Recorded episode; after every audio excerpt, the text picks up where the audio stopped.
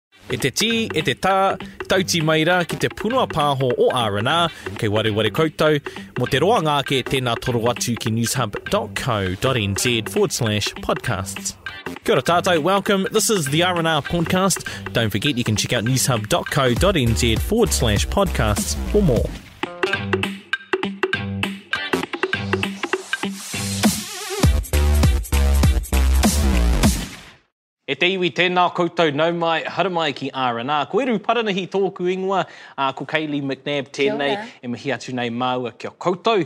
Ā, nō mai rā anō ēnei kōrero, ko ngā tatauranga o Ngāi Māori kua mauheretia kīhai i te pae, nā reira me pēhea tātou e whakatika, more than 50 per cent, neke atu i te 50 ōrau, o ngā tāne he Māori, neke atu i te 60 ōrau o ngā wāhine he Māori. That is shocking, more than 60 per cent of incarcerated females are Māori, more than 50 per cent. That's, that's an alarming issue, Kei. Well, does it mean that we need a massive overhaul on our justice system? Do we need to really reassess everything? that we've got in Aotearoa at the moment, because that is really concerning. Ai, me tīmata ngā kōrero, ngā wānanga.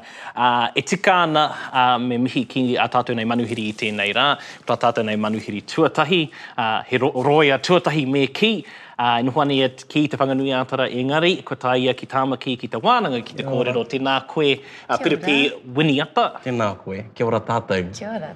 Otirā, tā tātou nei manuhiri tuarua, āe, he rōia anō, he kanohi kitea pea kia koutou, ā, ko Kingi Snelga, tēnā koe te rangatira. Tēnā koe Eru, kia ora tātou. Neke atu i te 60 ōrau, going back to the stats, our tatauranga, how have we got to this point? Yeah, they're alarming, but in my view have been alarming for a long time. In part there's a lot of frustration, I think, from our people, kua roa tēnei take e kōkiritia ana. engari au wore ake, he aha te aha, koe rape te pate ai tewi. You know, we've been pushing this kaupapa for a long time, and people are saying, what's come of it? Um, the numbers continue to grow. My strong view is that um, the issue is deeper simply than criminal justice in its own. Um, one of the issues that I see when I work alongside um, organisations in the public sector is that the Crown's really good at dividing these issues into neat little boxes like uh, criminal justice, separate from something like health, separate from something like education, and not having that holistic view over what's really what's really happening here. So that I think is is a big part of the issue. Is for a long time we've been looking at the symptom of the issue, which is deeper than the fact that our people are overrepresented in incarceration. The real issue, the deeper issue, is the effect that colonization has had on our people and continues to have on our people to this day. Kingi, pehia tu whakaro? Yeah, ite tonu te whakaaro. Um, courts have been used for generations as a tool of oppression and colonisation. They were used to take our land uh, and they continue to be used to incarcerate our people and remove them from their, their communities. Um, the crime rate hasn't increased in the last 30 odd years, but the rate of incarceration has drastically increased. So there's no correlation between those. The reason why incarceration has increased is because of the government policy. Mm. Their approach to crime is lock them up, throw away the mm. key. Um, So we need to change that. And the current government is making small steps, but I think it's there needs to be transformative change. Piripi, Anahe Pātai, tona mahi, for your work working with youth, are you seeing that our youth are just really uneducated and they don't know their rights, therefore just ending up further, further, further deeper into the system? He pēnei pea taku whakautu, i roto i aku mahi i au i roto i te Kōti Rangatahi, te Kōti Taiohi, ko tāku i kite ai, ko te riri i roto i ā tātou rangatahi. Ko te riri, koirā te mea i e mau tonu nei ki taku whatumanawa, ko tērā riri i roto i ā tātou tamariki, koirā e tae atu ai ki te kōti, ngā raru katō, he mea heke iho. I always try to explain to people who are spending time with our kids there, the concept of intergenerational trauma. You know that these kids have just had trauma And it goes back to what Kingi was saying before around the purpose of what courts were set up to do in our country. They were set up to dispossess our people um, of land and culture. That's been the that's been the policy of the state for a long time, um, and that that sort of thinking still happens to this day in some areas. And what it's done is just given our kids a sense of of hopelessness, and that's just transfers into anger, and they go out and they do these things, and they actually are horrible acts, but you know that they're not bad kids, and when you read about their upbringing, you can understand why. Can we really use that as, as an excuse, though, of you know, so many years ago, land was stolen, and we've gone through these injustices, and here our rangatahi are just out there committing really heinous crimes. Can we really use their anger towards land and injustice that they probably don't even understand. Can we continue to use it as an excuse now? I don't see it so much as an excuse, but more of um, us understanding the, the whakapapa of the issue that's before us. And if we don't understand the whakapapa of the issue, then we're not looking for the right solution. You know, a, lot of the time we just sort of go out and we look for what is the solution to this issue without really defining what the issue is. People say criminal justice is the issue, but we don't look at the, how it relates to um, what we're teaching our kids in school, we don't teach them about how to be proud of themselves as young Maori. Mm. You know, we don't teach them about their history. So um, we can't divorce those sorts of issues. And I think that's something that's really hard to explain to people, particularly non Maori, is how are Maori still complaining about land issues, but It's it's about us understanding that what the purpose of that of the taking of the disposition of land and culture was when they done that is to this day still active and a lot of the policies set by the crown is to dispossess our people of of land and culture to continue that. Ai, nā te mea, ko te ahu pea kei roto i te pūtake o ēnei momo take, tētahi o, o aku nei um, nawe pea. Ā, ko te, ā, ko te tikanga o taua kupu Pākehā justice, ai, te justice system.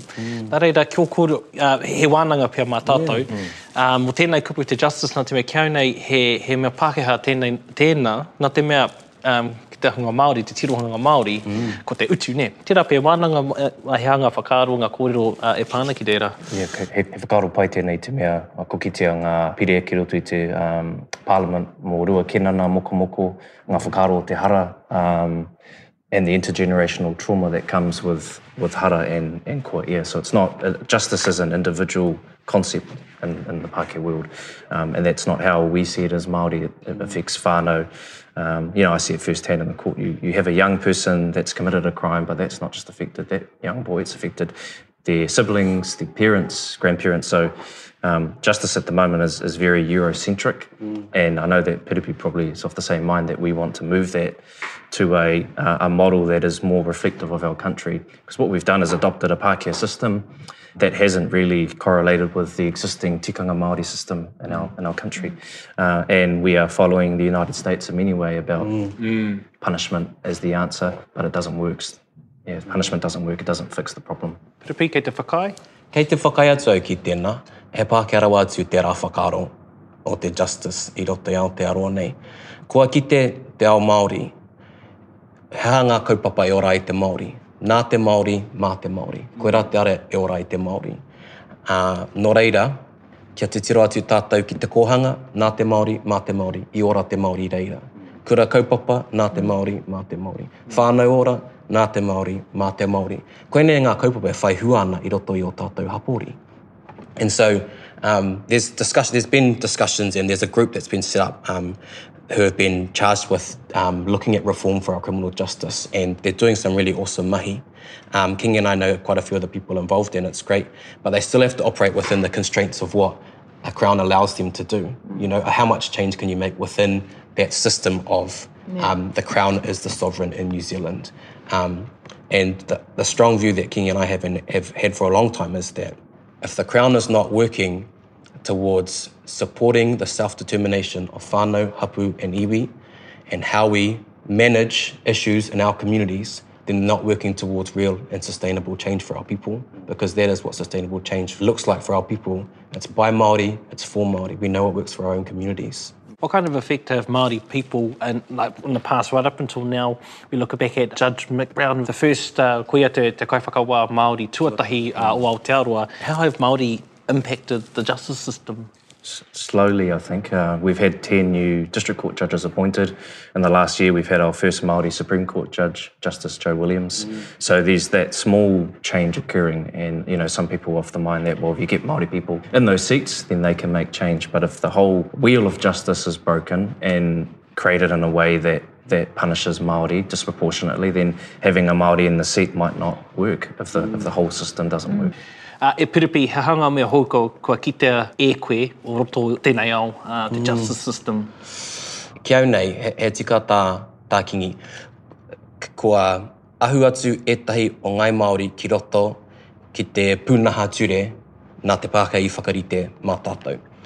Kei te whai hua tēnā, kāre, kāre māua i te whakaiti i tērā hunga, me mihi tērā hunga, he kaupapa uaua, he taumaha, ka, ka aroha atu au ki a rātou. Nā te mea he ara mokemoke tērā haere, kāre e mihia e te tangata kotahi, I have a lot of deep respect for our people who are willing to take the personal sacrifice of working within a system that you know doesn't work for your people and the hopes that you can make small wins in the margins because someone's got to go in there and take care of our kids, take care of our people that are turning up in court every day. Kingi does that at the moment, and you live with a compromise when you do that mm. because you're giving a sense of integrity to a system that you don't believe in. Mm. You're justifying a system that you don't think should exist, but you're doing it because you know that at the end of your day, your people are in there and you want to help them as much as you can. So they play an important role. But the other important role is the people, the agitators on the outside, mm. who are saying, turakina te whare. Aha, e aroha atu ana ki te hunga o roto, engari turakina te whare. Kia pērā taku, ki te, ki te whakatoi mai tētahi aku hoa mō taku mahi i roto i tētahi punaha e mōhio ana kei te kuararu, kua he, ka me atu au, e turaki nai te whare me mohio kei heo ona pau. And so we need people on the inside and we need people on the outside who are working together towards real change for our people. Well, I mean, the both of you are working in the system. You know the system, and obviously, you both know that it's not working. What made you want to get in there, and what changes do you want to see? Mm. For me, the, the little wins are like last week getting a young Maori boy out of jail um, and back home with his whānau. Um, that's a small win, but obviously the, the, what, the big change that needs to happen is the change that Dr. Moana Jackson has talked about, the transformative change. And to me, transformative change needs to include uh, a world where we don't need prisons, mm. um, because prisons make people worse. Statistically, if you go to prison, you come out worse. Uh, and most people that go to prison are only there for a short time, about 12 months. Um, so the public perception of, of jail as, a, as an answer to crime is, is wrong.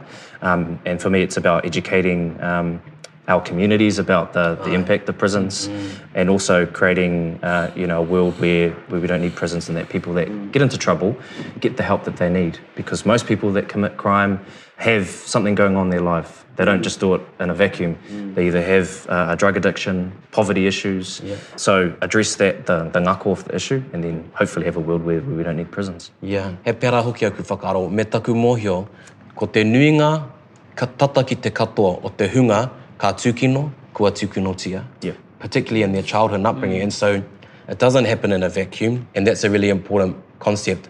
People get really scared when um, we talk about things like a world without prisons. It's scary because um, when you don't know how it works, fear becomes the driver of how you make your decisions. And fear says, I want to keep people, bad people away. And there is such a thing as bad people and good people. Mm. And bad people deserve to be in prison.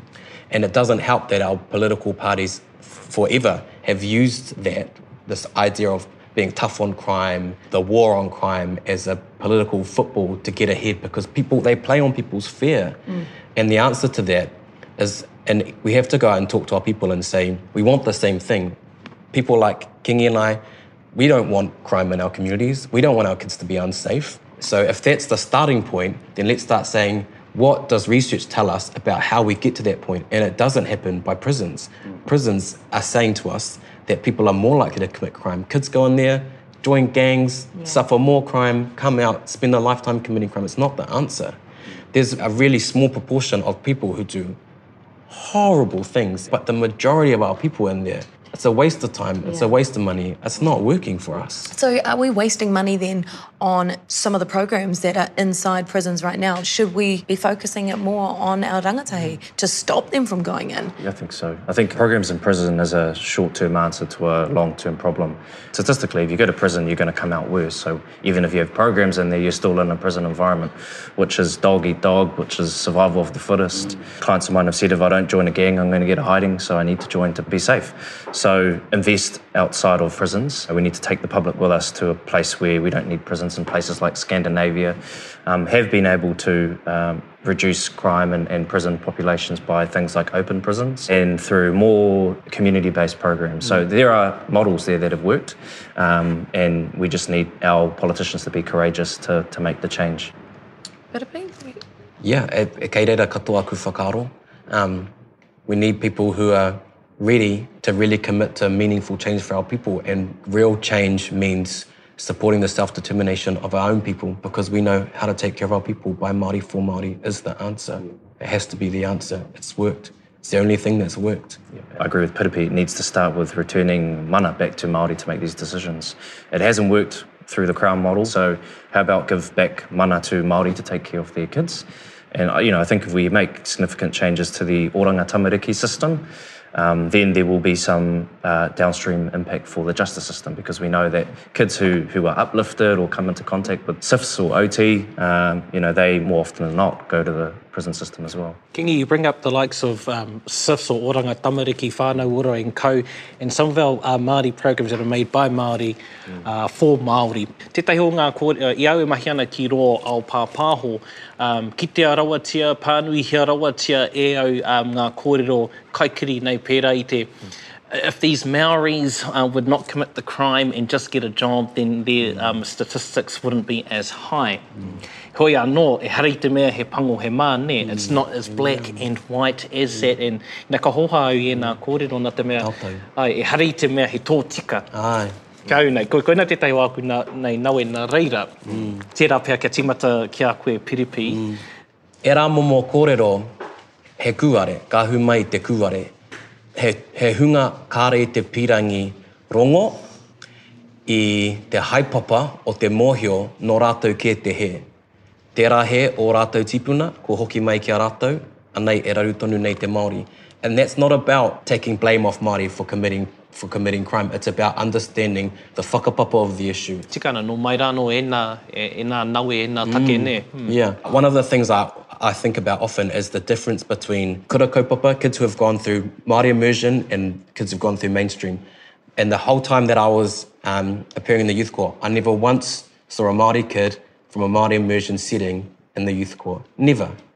Because um, all of those kids turning up there were kids who weren't proud to be Māori. They hadn't been taught to be proud to be Māori. They didn't know language. I had one kid who spoke Māori the whole time I was out of, and it was 95% Māori kids. They don't know their whakapapa. We're still dealing with the symptom, you know, we're not dealing with the real issue, with, which is when we allow Māori to create initiatives that are by Māori for Māori, like our kurukupapa, community driven, ground up.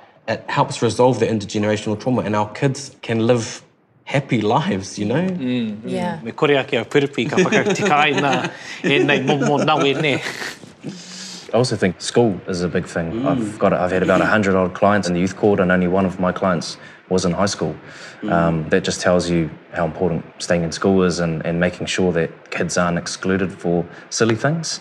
You know, often uh, some of my clients are, are said they can't come back to school because they got into a fight. Mm. Um, but that to me is, is the, the... It's a cop-out. Yeah, mm. and the Aye. education system letting them down. Tera tētahi kōrero i rangona e au pia um, i runga i nō the hui ēnei kōrero e pāna ki a koe. Tēra tētahi rā ko koe tēra e, e, e, e whakamatauria a e koe tētahi tangata. Just sort of talk to us about that nā te mea he honuhonu rawa inā kōrero e hāngai ana ki tēnei kaupapa i tēnei rā. Koinā, koinā te rā i whakatau ai me puta au i te rā mahi. I was in the middle of a trial and it was during the cross examination of the defendant. He was um, an Aura Māori male and he um, refused to answer questions, and in response to the judge who constantly um, urged him that he had to answer the question, he bowed his head and started to perform a taku taku. Um, to this day, you know, it's one of those things that I'll never forget. It's cemented in my um, in my thinking that I wasn't meant to be in that system at that point because I couldn't handle another day in a system like that, which subjected our people to that kind of experience. Wow, that's pretty powerful. Mm-hmm. Cardiac No, yeah, it, it, makes you lost for words because what do you do? We need more Māori in the system mm. to help and make those small wins, but yeah. then you come up against something where you know mm. that it's not right. Yeah. For every two steps forward, are we just taking five back? Yeah. You know, and, yeah. and how do we improve it from here on out because obviously we're going, hey, look, we need to help our rangatahi, but we still have our yeah. brothers, sisters, mm, cousins, right. our age, even yeah. younger, who are in the system now. How do we put that tikanga Māori in the system? Yeah. It's hard because the the cultural purist in, in you wants to say, don't give the Western criminal justice don't system our tikanga. Don't give them our tikanga because they'll turn it around on us and say, look, we're a culturally appropriate system now, so there's no need for any transformational change.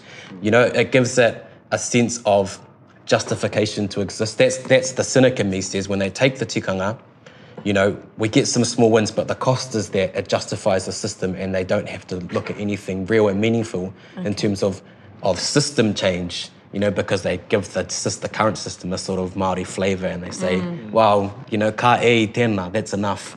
You know, haven't we done enough? We've got a little bit of tikanga mm. in there. Although it's sits at the bottom of the hierarchy in terms of what we're willing to consider as having any sort of authority here. Mm. Um, whereas um, the purist in you wants to say, well, shouldn't it be tikanga driven? Mm. There's a part I've always wanted to ask ki ngā roia puta noa i te motu. Ai, ko tētahi o ngā me o roto o te ao Māori, ko te tikanga, nē. Mm. Ki au nei, He aha ngā mea i puta ai mēnā rānei he Māori te kaiwhakawā? Ka whai whakaaro ia ki ngā tikanga Māori i a ia e whakawā ana. Āhua, āhua ētahi wā e taea ana ngā kaiwhakawā ki te turn to tikanga Māori, but it's window dressing to me, you know, we change sifts to oranga tamariki but it's still the same thing, we use whakatau and pōhiri but then we still sit in a Pākehā court room to make decisions, so Māori judges and, and Pākehā judges have have started to use more tikanga, but it's still within a, a Pākehā system. So if there's a conflict between tikanga and Pākehā law, which prevails in its Pākehā law. Mm. Um, tinkering with a broken system, uh, you, you change small cogs in a, in a, in a machine that's, that's not working. Um, and it's about turning people's attention to places like Scandinavia that have done well to, to break that cycle of mass incarceration. Um, which is what's happening. We're losing generations of Maori to the system. Maori see prisons and courtrooms as their marae. Mm. That's where they go for whanaungatanga mm. because that's how their parents did it and, and how they see it. Um, so, you know, we've got to really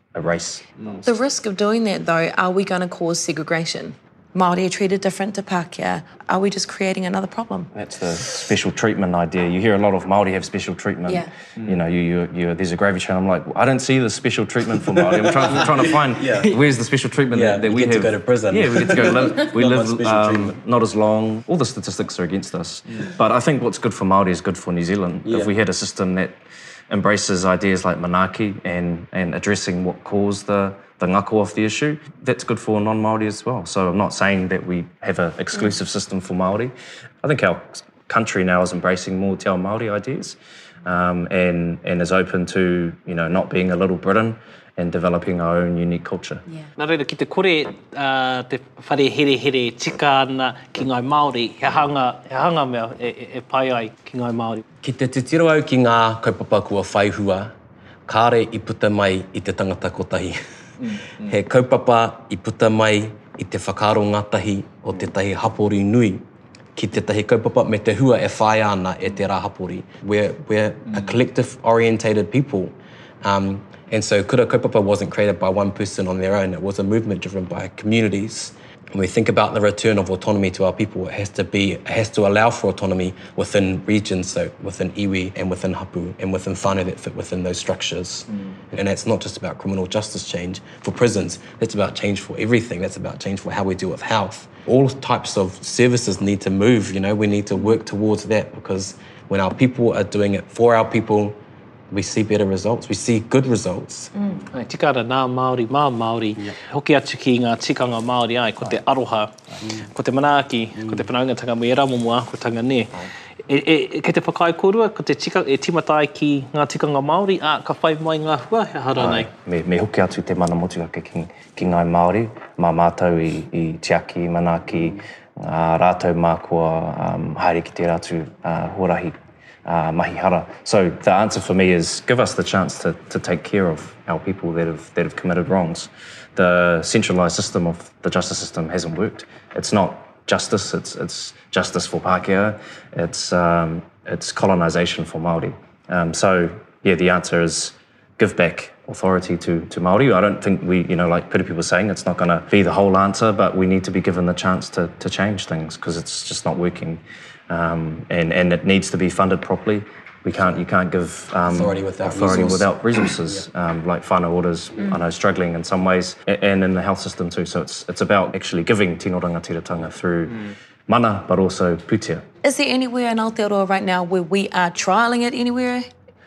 Pai oranga panels, which are diverting people out of the court system, on, uh, which are like uh, Komatua panels on Marae. Um, I've had clients that I've tried to push into that space, but the issue is uh, it's at the discretion of the police. Mm. So police decide. And it doesn't, you know, um, clients of mine that are Māori, that are uh, professionals, have never been in trouble, maybe committed a careless driving offence. Mm. He didn't get the benefit of that. Um, and maybe it's because, you know, I'm not, not saying this is what happened, but maybe it's because that that police officer, Pākehā, saw a Māori offender and decided automatically. So we know There is some space, but it's still within that, that system, and police have a big say on, on who goes. Mm. Yeah.